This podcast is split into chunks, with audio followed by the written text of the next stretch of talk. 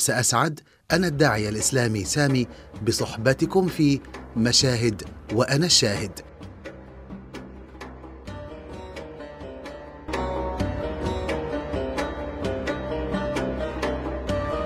سأحكي لكم مشهدا حدث معي أو مع غيري وكان طريفا أو حزينا أو مؤثرا حتى أتشارك معكم هذه المشاهد.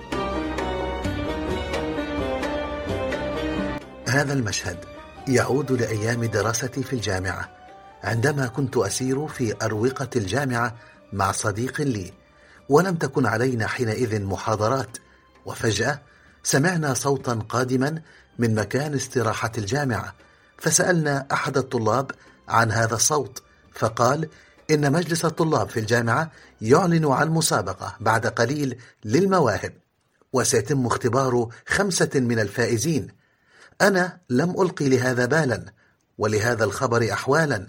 ولكن صديقي قال لي لماذا لا تشارك في المسابقة؟ لعلك تفوز فيها. فقلت له على ماذا سأشارك؟ وعلى أي موهبة؟ فضحك وقال ألا تذكر الأفلام الهندية القديمة وبطلها أميتاب باتشان؟ وكنت تحدثنا عن أفلامه ومغامراته وفقده لأمه طوال الفيلم ويبحث عنها حتى يصل إليها آخر الفيلم. لدرجة أنك تجيد اللغة الهندية من سماعك لها والبحث عن ترجمتها. فما زال يقنعني بذلك حتى اقتنعت بأن أدخل المسابقة بتقليد أميتاب باتشان في مشاهده وباللغة الهندية. وذهبنا إلى المسابقة منذ بدايتها فخرج أربعة طلاب يعرضون مواهبهم أمام الحكام من مجلس الطلاب ولكن بقي طالب خامس حتى يكتمل العدد. فقال صديقي هذه فرصتك ارفع يدك.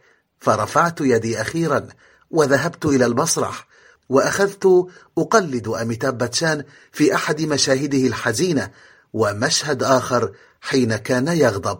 وفجأة رأيت جميع الحضور يصفق بحرارة وبعد لحظات اجتمعت لجنة الحكام لتعلن عن الفائز. فقال رئيس اللجنة لولا أنني أعلم بأن الطالب ليس هو أميتاب لقلت بأنه أميتاب وذلك لشدة إتقانه له وحاز على الجائزة الأولى. وكل هذا وسط تصفيق الحضور وكذلك صديقي. فاستلمت درع الفوز وأبيت إلا أن يأتي صديقي ليستلمه معي لأنه كان البداية وبقي للنهاية. ومن بعدها تم تعريفي في الجامعة بأميتاب باتشان.